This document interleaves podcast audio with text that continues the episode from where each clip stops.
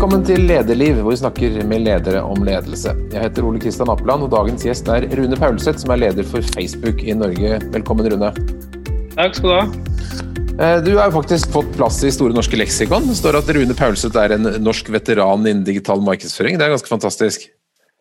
Ja, altså det, Jeg ble gjort oppmerksom på det av min datter, så det var fascinerende. Det sier kanskje litt hvor mye jeg er på Det store norske leksikon, men det er, det er veldig eh, ærverdig, det. altså. Jeg må si det.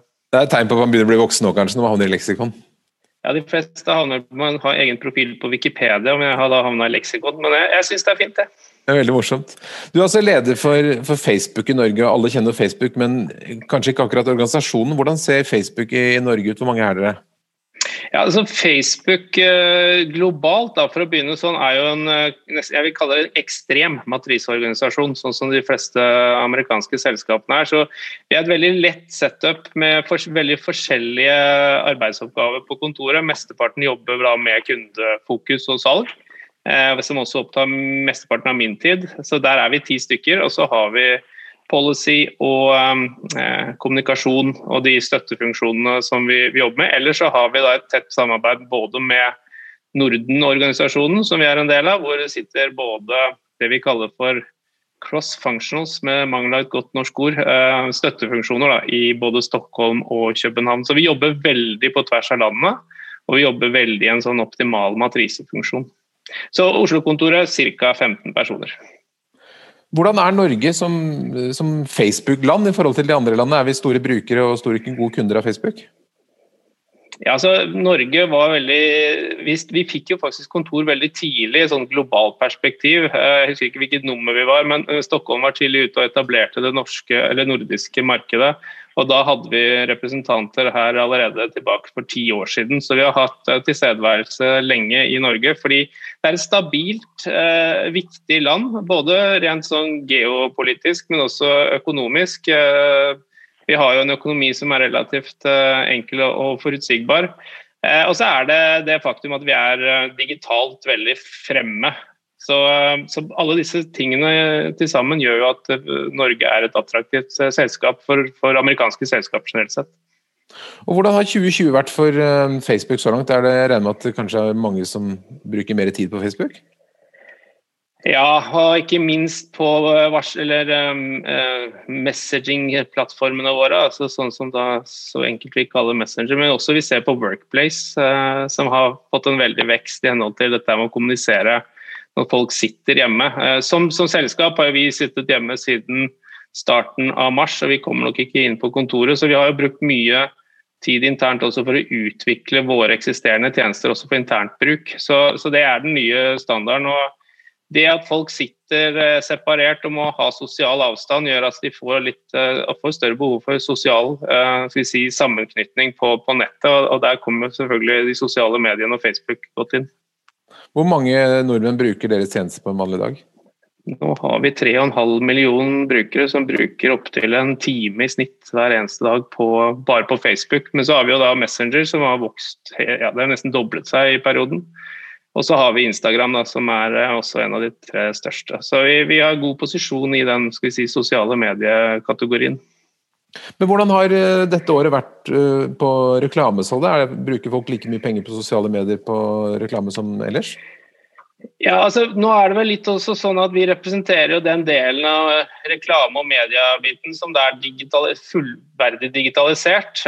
og det er klart at Den har nok ikke slitt så mye som andre. Altså Det er klart det stoppet jo helt opp i mars. Da var vi jo rett og slett som både nasjon og globalt sett eh, tatt av situasjonen og, alt stoppet opp i alle mulige eh, forretninger. Men det har jo sakte, men sikkert kommet tilbake. Og vi, og vi hadde en veldig sånn enkel approach til, til, hele denne lockdownen også når det kom, som gjorde at vi har egentlig ikke begynt å jobbe proaktivt på kundenivå egentlig nå før i ja, tredje kvartal osv. Vi har veldig fokus på liksom, de andre samfunnsnyttige engasjementene vi skal gjøre. Men, men ja, vi ser at uh, vi som selskap har vokst i den perioden, og våre tjenester har blitt mer brukt. Tenker du at hvis, hvis vi ser bort fra alle de negative sidene ved, ved korona, at det har gitt et positivt løft for digitalisering? Ja, men Her tror jeg vi ikke har hatt noe valg, rett og slett. Altså, hvis vi skulle fortsette å drive mye av de virksomhetene vi gjør, og, og, og, behovet for kommunikasjon og behovet for informasjon har jo vært skyhøyt. Så her har jo også vært mye, mye jobben til alle disse plattformene og mediene generelt er jo vært etterrettelig. Og kunne faktisk komme med den informasjonen og skille ut hva som er kortsiktige påvirkninger og, og andre typer meninger som kanskje ikke alltid har rot i virkeligheten med å faktisk få fornuftig, god informasjon ut til, til alle mennesker. Eh, og kunne hjelpe myndighetene med å kvalitetssikre den informasjonen. Det har vært veldig viktig for oss. Vi startet jo ganske tidlig, jeg tror det var tre dager etter lockdown så var vi oppe med det vi kaller for covid-19-senteret vårt, som ble en global eh, si, satsing sammen med Verdens helseorganisasjon. og Den har vi jo fortsatt og fortsetter fremdeles å, å, å bruke og pushe i henhold til hvordan uh, dette utvikler seg. Så Det var liksom vår første fokus. Få, våre altså få de ansatte i Facebook eh, sikre og få de plassert hjemme og vite hvordan de skal gjøre jobben sin. Og så begynne å hjelpe samfunnet generelt sett. Og, og Etter det så har vel egentlig fokuset vært å få nå bedriftene komme tilbake igjen. Se hvilke muligheter vi kan tilby dem på plattformen, men også av rene skal vi si, sponsorpakker som vi har gått ut globalt med også i flere runder. Hvor vi, vi, prøver å hjelpe særlig små og mellomstore bedrifter med å komme tilbake, for vi vet at det er mange av de som sliter. Så det har vært en sånn trefasett uh, jobb vi har drevet med nå, både innenfor policy og kommunikasjon, men også innenfor det kommersielle. ved å, å være til stede, hjelpe og også utvikle løsningene våre kjappere enn det vi kanskje hadde tenkt å gjøre for å, å sikre at vi, at, vi, at vi, får samfunnet tilbake igjen i en, en noenlunde normal situasjon, i hvert fall. Mm. Har du inntrykk av at mange av kundene deres har tatt store skritt dette året når det gjelder uh, digital markedsføring? Ja, jeg, altså jeg vil jo si i hvert fall eh, Det å sette spørsmålstegn om hva som er best av ulike typer markedsføringsløsninger, er vel kanskje ikke den største diskusjonen vi har om, om det er de tradisjonelle mediene eller digitale medier. Nå er jo de fleste mediekanaler mer eller mindre digitalisert etter hvert. Så nå føler jeg det går veldig mye med på hvordan skal vi effektivt kunne bruke dette her Eh, også i en forretningskritisk sammenheng. Som jeg sa, vi, vi har faktisk eh, økt et samarbeid med Crayon, som vi har gjort med Workplace f.eks. Har vi nå sett at vi har nesten doblet alt av kunder bare i Norge. Og Norge har jo vært et pilotmarked også for, for Workplace. Så vi ser at eh, det er, det er flere ulike typer måter hvor denne skal vi si, digitaliseringen slår inn, ikke bare på liksom det markedsføringsmessige som vi er mest kjent for, men også på kommunikasjon og businesskritiske si, løsninger også. Mm. Du har jo du er som sagt en, en veteran. Eh, jobbet i Scandinavia Online, Digit.no, Katalysator Media, Alle Media, Microsoft, Eniro før du kom til Facebook. Når var det du ble en leder? Det tror jeg var litt sånn eh, by accident, som kanskje ofte skjer. Eh, nei, altså vi, vi, bygget opp sammen med Møller-gruppen, eh, den gangen het det Katalysator Media, dette som etter hvert ble Aller Internett og ble en, egentlig Allers uh, digitale satsing. Og Da var vi en tett og liten ledergruppe som egentlig fordelte ut oppgavene ut ifra hvor vi kom fra. Det var jo sammensatt av fire-fem forskjellige selskaper, så her var det om å gjøre å prøve å finne de beste folka til å gjøre de jobbene som måtte gjøres. Vi hadde ikke enormt masse ressurser. Og Da var det vel litt sånn at eh, hvem tar det kommersielle? Jeg rakk opp hånda og sa det kan jeg godt ta. Jeg tror jeg har bakgrunn og erfaring fra det. Og så vokser man jo veldig inn i en sånn type lederrolle. og Si, den digitale utviklingen, Mange sier jo at det må jo være flott, det har jo bare vokst og vokst og vokst. og Digital markedsføring er noe større enn TV, men det har nå vært noen si, bumper i veien. og Hvis man uh, hadde litt dårlig gikk litt dårlig for eh, den eh, skal vi si, tradisjonelle businessmodellen, så raste man jo ned på de digitale satsingene og reklame. Så den kombinasjonen av digitalisering og reklame har jo vært eh, veldig sånn berg-og-dal-bane, må innrømme. Så det krever jo litt av lederskapet. Og man har også jobbet med veldig sultne unge grupper, som har vært kjempespennende og inspirerende. Så man holder seg liksom oppdatert om hva som skjer, og man blir utfordra hele tiden. Så, så, lederskapet mitt kommer vel, vel eh, som jeg sier, det, det, man vokste litt inn i det.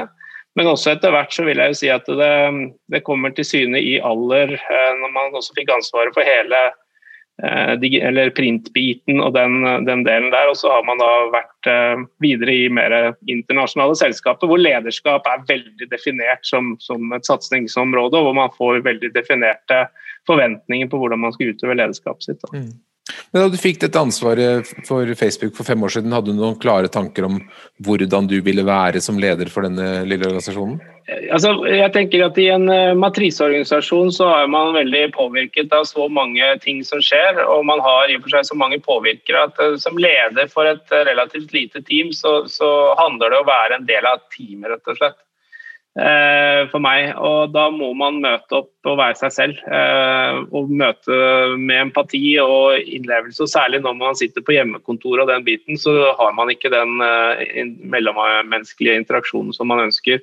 Så, så, jeg prøver rett og slett å være meg selv tvers igjennom, men også se, altså se det ved viktigheten av å drive businesskritiske diskusjoner framover. Så, så jeg, jeg, har liksom tilegnet meg en sånn hva skal vi si, en, en livslæring på, på, på, ledelse og egentlig det å drive forretninger på at man må liksom tenke langt, man agerer kort og tenker langt kommer veldig mye rundt det med menneskene.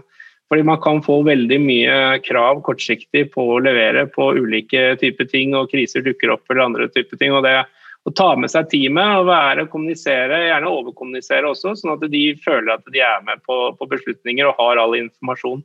Så, men det er jo en balansegang, absolutt. Eh, og som jeg sier, særlig når vi sitter eh, hjemme alle sammen og skal være så effektive. Og, og, dette formatet vi også sitter i her som vi sitter nå, er jo veldig effektivt. Man venter på hverandre, og så snakker man ut. Man har liksom ikke de dialogene. Så det utfordrer lederskapet, jeg merker det. Men jeg tror også da må man være, gå på de basiskunnskapene som man tilretter seg. og jeg, vi har puls som vi kjører hvert uh, halvår. og de, Den feedback man får da på det medarbeiderne setter pris på, og ikke minst hva de fremhever at du bør jobbe med, det bør man ta virkelig på alvor. Og jeg tror Der er det en mangel også i kanskje andre steder jeg har jobbet, med å være så systematisk og jobbe med ledelse og feedback, tror jeg er noe mange kan lære nå. Og det tror jeg man opplever nå. Ser du for deg at hjemmekontor er noe du kommer til å videreføre mye etter at eh, covid-19 er over? Vi har jo i utgangspunktet hatt eh, den muligheten veldig lenge. Eh, vi, kan, vi er veldig fleksible på hvordan vi jobber, men så er vi også ansatt for å drive kundekontakt Sånn at eh, det er mer Hvor du sitter på kontor er kanskje ikke det viktigste, men at du kan være og møte kundene. Det er jo den vi savner mest akkurat nå. Men som selskap så har vi allerede innført at eh, tekniske ressurser og, tekniske utviklere kan nå sitte permanent på hjemmekontor. Som jeg mener skaper en kjempemulighet for selskaper som oss, og ikke minst for gode folk som ikke jobber nær en kanskje et kontor eller et sted før hvor man måtte flytte til og sette press på pressområder og sånne type ting. Eh, og jeg merker jo også det at dager hvor man kjenner at man kanskje har mye å gjøre, eller mer effektivt å jobbe eh, fra avstand, så er det bra. Men man har jo et ansvar da, å opprettholde teamet og, og kontoret, skal vi si, fellesskapet og ikke minst kulturen. Men uh, det får vi veldig mye hjelp til i Facebook, da, på kulturbæring og bygging. Men du står da med ett ben i, i, norsk arbeidskultur, men også da som en del av en stort amerikansk superkommersielt uh, system.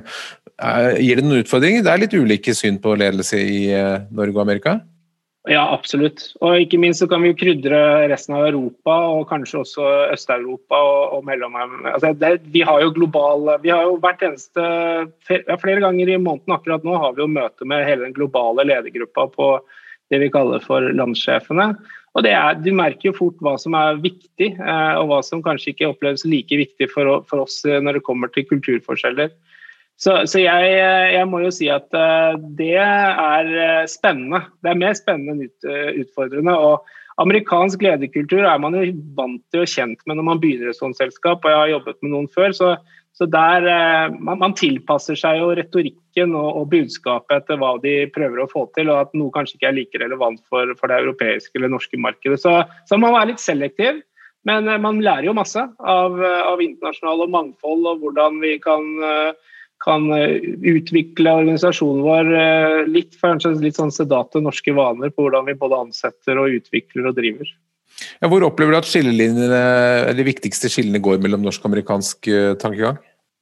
Nei, altså Konkurransesituasjonen er jo my, altså ekstremt mye større, vil jeg oppleve, altså, opplever jeg, for da om det ikke bare er et amerikansk, men et globalt selskap. Vi, vi, det påstås jo at vi har Eh, monopol. Men eh, vi merker at det, hvis ikke vi trener, så trening, altså bare, bare opplæring og treningsregime er fascinerende bra. Eh, jeg har ikke lært så mye på de første 30 åra av min arbeidskarriere som jeg har gjort de fem siste årene. Det er i hvert fall to-tre ganger i måneden så har vi obligatoriske treningsopplegg både på ledernivå, mangfold, involvering, produkt. Så, så man må liksom bare henge med og, og, og, og booke seg opp og være med på dette her. Så, og Det tror jeg skaper også en sånn intern trygghet blant eh, ansatte. At alle er på det samme nivået, kan liksom eh, utfordre hverandre også. Og ikke minst eh, samarbeid når man er i en matrise. Det er ingen som kan klare seg på utsiden. Man er nødt til å samarbeide på tvers og opp og ned hele veien. og det blir mange, mange, interne møter, men nå er det blir jo korte, korte videocalls, så det går i og for seg greit. Men, mm. men, det er mange interaksjonspunkter. Hvordan skjer den treningen som du snakket om? Ja, nå går jo det meste på video. Når vi starta her, så var det veldig sånn å reise til Dublin eller London og møte opp og bo på hotell. Det fant vi vel fort ut før koronaen at kanskje ikke var så bærekraftig og dyrt. Eh, så nå er det meste enten bare ferdiglagde treninger, eller så har vi også vi si, i treninger med interaksjon. Vi bryter opp i forskjellige Zoom-room og, og, gjør liksom gruppeoppgaver. Og så, og så har vi litt sånn Q&A og spørsmålsformuleringer etterpå. Og så blir vi testet hvert eneste år på det vi kaller for uh, solution and products. Det er jo veldig mye på, på vår kompetanse rundt plattformen, men også på ledernivå, hvor vi vi faktisk må kjøre småeksamener og tentamener på om at vi har fulgt med og vært med på de viktigste tingene. Og det baserer seg på eh, verdiene våre eh, og, og visjonen, og hva som er fokus fra ledelsen eh, i det året vi går inn i. Så nå skal vi ha en Vanligvis så drar vi til San Francisco på et tidspunkt og har en svær ledersamling der. Eh, men nå blir jo det på, på, på, nett. Eh, og det blir jo spennende å se hvordan vi klarer å henge med åtte timer om dagen på en, eh, på en Zoom. Mm. Men, men, det er jo inspirasjon å få med seg også at det er viktige ting som skjer nå. Så det er klart det er, ja, så det er en mangfold av hvordan de treningene ser ut. Alt fra mhm. store samlinger digitalt til, til enkle treninger på 20 minutter. Du nevnte visjon og verdier. Hva, hva, er Facebooks visjon og verdier, og hvordan bruker du det?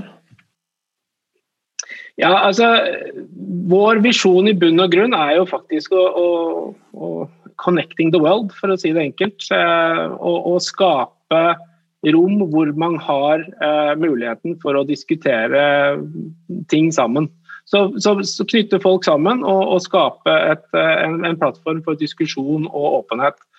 Eh, det blir litt rart på norsk, fordi det er en mm. amerikansk visjon, men, men, men, den er veldig satt inn i organisasjonen. Jeg følte den fra dag én, og den kom jo helt fra Mark sine første dager som, som Facebook-selskap og sjef for Facebook allerede tilbake for 15 år siden.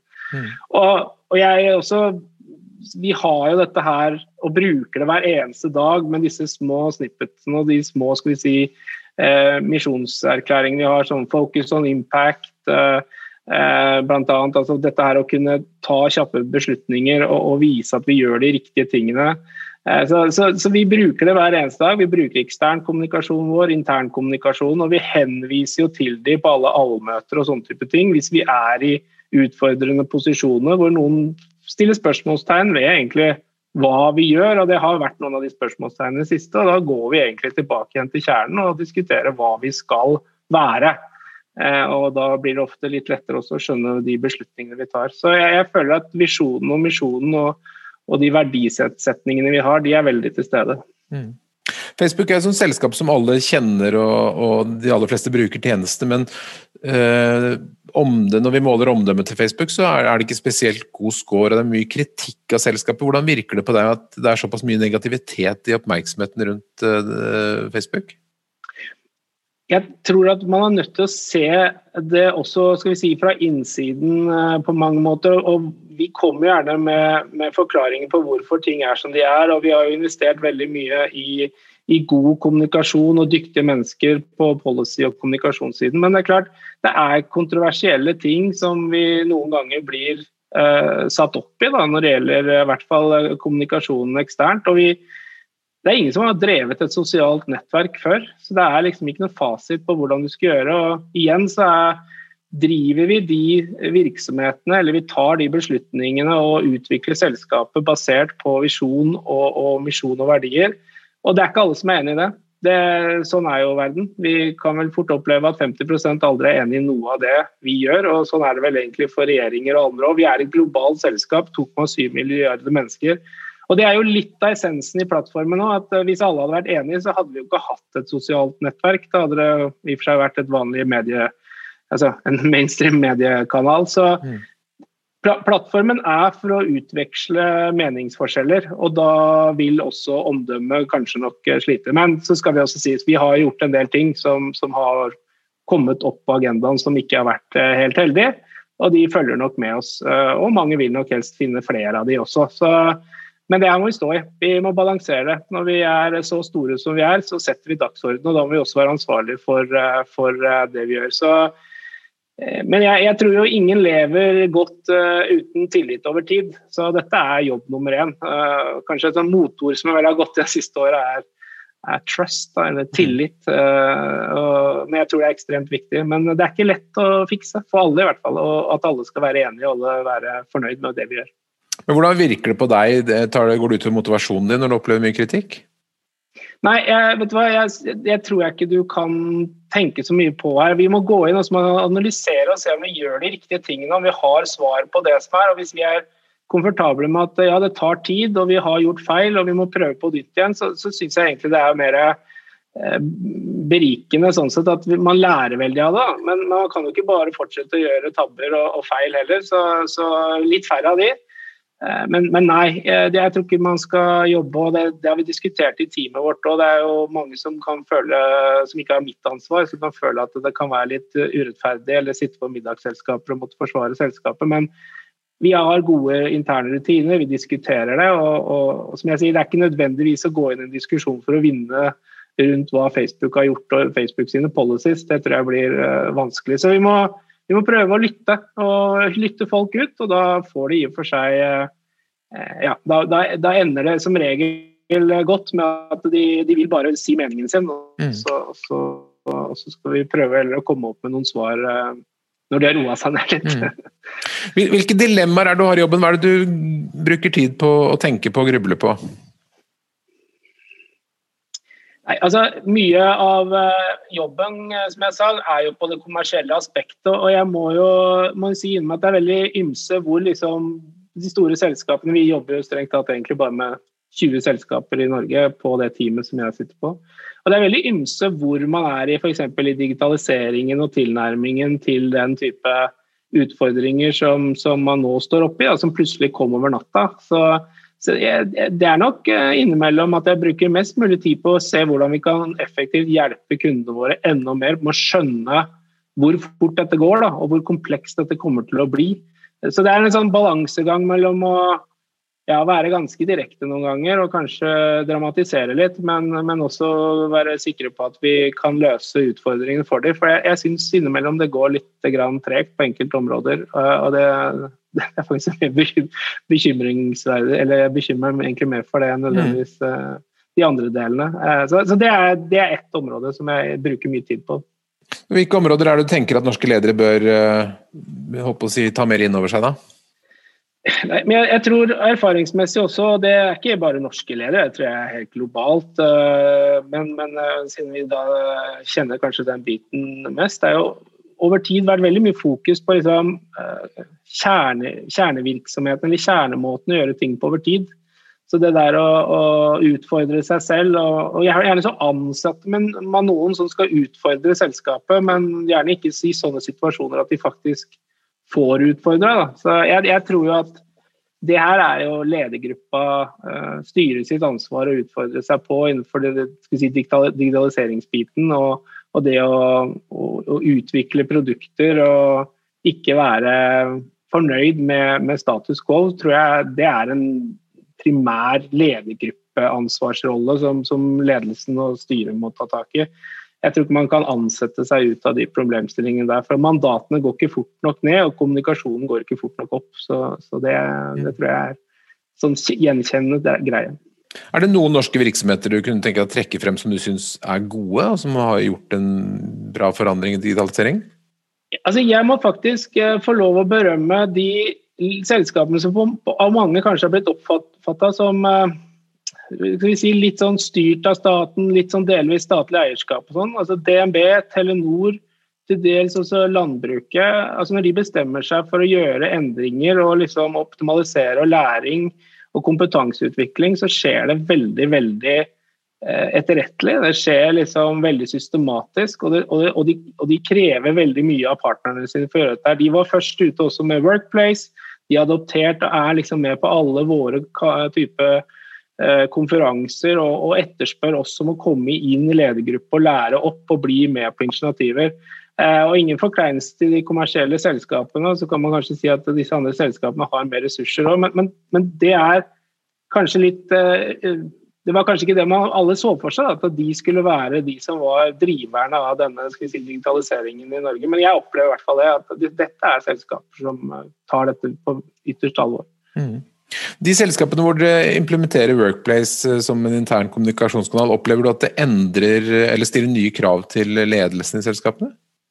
Ja, definitivt. Og, og, de har jo også en eh, et, skal vi si, Jeg vil ikke si at det er en eh, forventning eller et krav, men hvis du som toppleder ikke benytter den plattformen, så er det nesten bare misbruk av tid og ressurser å implementere. For det skal jo være en måte å få kommunikasjon hele veien ut i organisasjonen. Ned og opp og side til side, men det må drives av av daglig leder, og det må drives gjennom kommunikasjonsavdelingen, HR, og liksom skape et engasjement internt som gjør at den kommunikasjonen som kommer ut, skaper endringer og entusiasme. Så, så hvis man uh, igjen uh, implementerer det for å outsource seg ut av en kommunikasjonsoppdrag eller en forpliktelse eller forventning, så har man bommet. Uh, så det er jo veldig det er vel mer det at det blir veldig synlig at man kanskje ikke har den strategien. Men jeg har ikke opplevd på noen av de selskapene vi har. De har gått inn der, tatt produktet, og noen har jo til og med uttalt, som f.eks. DNB, at det har virkelig betydd en stor endring internmessig og organisasjonsmessig. Og det er hyggelig å se. Men eh, det er klart også åpenhet skaper en del andre nye utfordringer, så det har vi jo sett på det kommersielle eh, nettet også. Så, så det er eh, ja, det er, det er, begge deler av feedbacken på det, men, men utelukkende positivt. Men det, det, krever at man er til stede og at man har en god plan. Men Favoriserer det en viss type ledere? Du må være utadvendt og du må være oppriktig. Det var det som jeg sa i stad. Jeg tror det er de parameterne som vi var inne på. At, at du er deg sjøl, at du er troverdig i det du kommuniserer. Og at du tør faktisk også ta opp de litt eh, ikke så positive tingene på en sånn måte at du, du ser at den informasjonen og åpenheten eh, kontra eventuelle utfordringer organisasjonen måtte få for å være åpen og ærlig. Mm. Eh, men sånn som verden går fram nå så kjapt, så tror jeg ikke man har noe annet valg. Man klarer ikke å legge lokk på negative ting eller utfordringer som skjer i organisasjonen, og ta de så tidlig som mulig. Så så det, det, og det viser jo da at Når Norge er så langt framme på det, så viser det at det er vi veldig veldig gode på i Norge. Vi er eh, som ledere opptatt av å ha en god dialog og være åpne og være oss sjøl. Eh, det kan også oppfattes da i andre land som kanskje mer direkte, som ikke er så vanlig igjen. Så, så her har vi en fordel, faktisk. Mm. Når er du mest stolt av eh, det du gjør?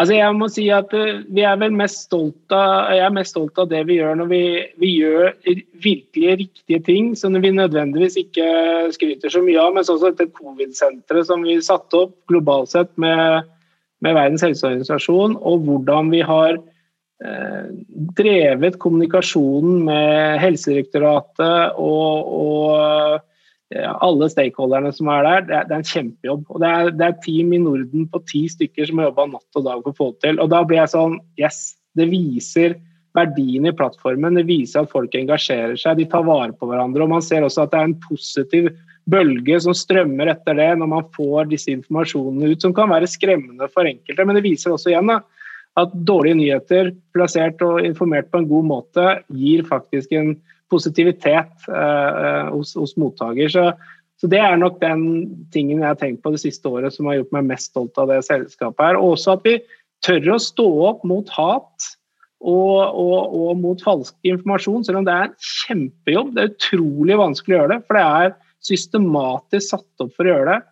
Eh, vi ser hvordan folk engasjerer seg med, med Black Lives Matter, og, og dette med hvor, hvordan mangfold har i, i, fått en mye større innvirkning også i organisasjoner rundt omkring, tror jeg er mye pga. disse plattformene, sosiale medieplattformene. og Det er jeg kjempestolt for. Det viser at vi mennesker kan endre oss, og at, at plattformen vår har har en, ja, en, misjon som faktisk står opp mot visjonen. Mm. Hvis det kommer en ung person til deg Rune, og vil uh, si jeg vil bli leder, jeg vil bli sånn uh, stor leder som deg, hva er de tre viktigste lederrådene du vil gi? Altså Det første er jo ofte det at uh, må spørre dem om er du sikker på at du vil bli leder. Altså Hvorfor vil du bli leder? Jeg har jo inntrykk av at noen er litt sånn redd for å ikke få brukt utdannelsen sin hvis de ikke fort som bare det, blir leder etter å ha gått kanskje noen runder som konsulent eller drevet eh, produktutvikling. Altså andre typer ledelsesopplæringsfaser si, hvor man har jobbet enten med mindre team eller med produkter. Men, men du må genuint være interessert i mennesker. Altså må du, du, må ta inn over deg og spørre deg selv syns, får jeg energi av å jobbe med andre mennesker og, og hjelpe andre mennesker med å, å gjøre ting Eh, på en annen måte eller en bedre måte, eller støtte de når ting er vanskelig? Eller er det mest at jeg bare syns det er spennende å fortelle folk de skal, hva de skal gjøre? Det er en sånn helt elementær greie, tror jeg, som fort kan bli litt sånn vanskelig å ta inn over seg. Så Det er egentlig det første. altså er du helt sikker på at du har lyst til å bli leder, og hvordan har du lyst til liksom, at lederskapet ditt skal bli eh, kommunisert, eller altså, hva er eh, ettermælet ditt da, når du blir eh, testa som leder? og det, det tror jeg er den viktigste delen. Ellers så syns jeg bare kjempebra hvis unge folk vil ta. For det, har jo vært en periode her nå hvor folk helst ikke vil være leder. De vil helst egentlig bare engasjere seg i, ja, i mer i prosjektene, i, i, mer det å drive selskapet på strategisk måte. Men, men, den gleden av å se at team lykkes, og at se selskapet lykkes gjennom mennesker, er en helt ekstremt eh, sak. Så det, oppfordrer jeg bare alle unge lyttere til å, til å utvikle og teste. Det er, det, er, det er, kjempemoro å være leder, men man, man, har lyst til å være leder. Mm. Har du fått noe nytt syn på ledelse gjennom eh, hjemmekontoråret 2020? Ja, igjen. Altså, man begynner jo gjerne hjemmekontorseansen i mars med å skal møte folka sine tre ganger om dagen. Ingen god idé. Jeg tror de bare blir kjempelei, for de har en jobb å gjøre. Eh, så det å, å ha, være godt forberedt, eh, det å la egentlig teamet få lov å ha noen seanser, og, og kanskje også ha fellesmøtene litt lenger, så man har tid til å småpludre litt eh, mellom og før og etter, og også få folk til å kunne være med. For det tar faktisk, hvis du skal drive interaksjon, så tar det lengre tid. Skal man bare drive et effektivt møte, så er det kortere tid. og Det er to vidt forskjellige ting. Så vi er veldig sånn fokusert på hva er de møtene for, og at vi har rom for å kunne gjøre det. Så var det en stund der at vi skulle ha after work og vi skulle ha felles lunsj og sånn. Det også har dabba litt av, fordi jeg tror folk har mer lyst til å gå og ha lunsj med noen fysisk, faktisk. Eh, men vi, vi, vi prøver å gjøre tingene eh, skal vi si, så, så effektive og oppdaterte som mulig, men ha rom for å ha de diskusjonene. Men én til én er jo kanskje det viktigste aspektet jeg har merket nå. At vi har god tid, snakker med hver enkelt i én-til-én-situasjon, og også spørre liksom litt mer inngripende. Eh, nå er jo vi veldig privilegerte. Vi har fått eh, både penger for å innrede hjemmekontorer, vi har fått portals tilsendt, og vi har et globalt opplegg for mental og fysisk helse. Så det har vært veldig fokus på hele veien. Så, så, for oss, så, så, for meg da, som leder, som har den backingen i ryggen, så handler det om å se hver enkelt medarbeider hos meg og, og, og, finne ut av har du det virkelig bra, og er det noe jeg kan hjelpe deg med. Og det må vi klare å gjøre digitalt. Mm. Det var en fin avslutning. Rune Pelseth, tusen takk for at du kom til Lederliv. Tusen takk for at jeg fikk lov å være med. Det var veldig hyggelig. Ha det godt. Hei, hei.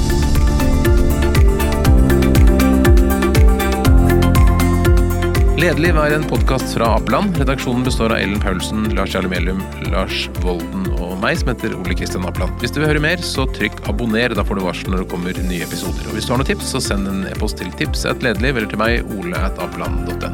Takk for at du lytter.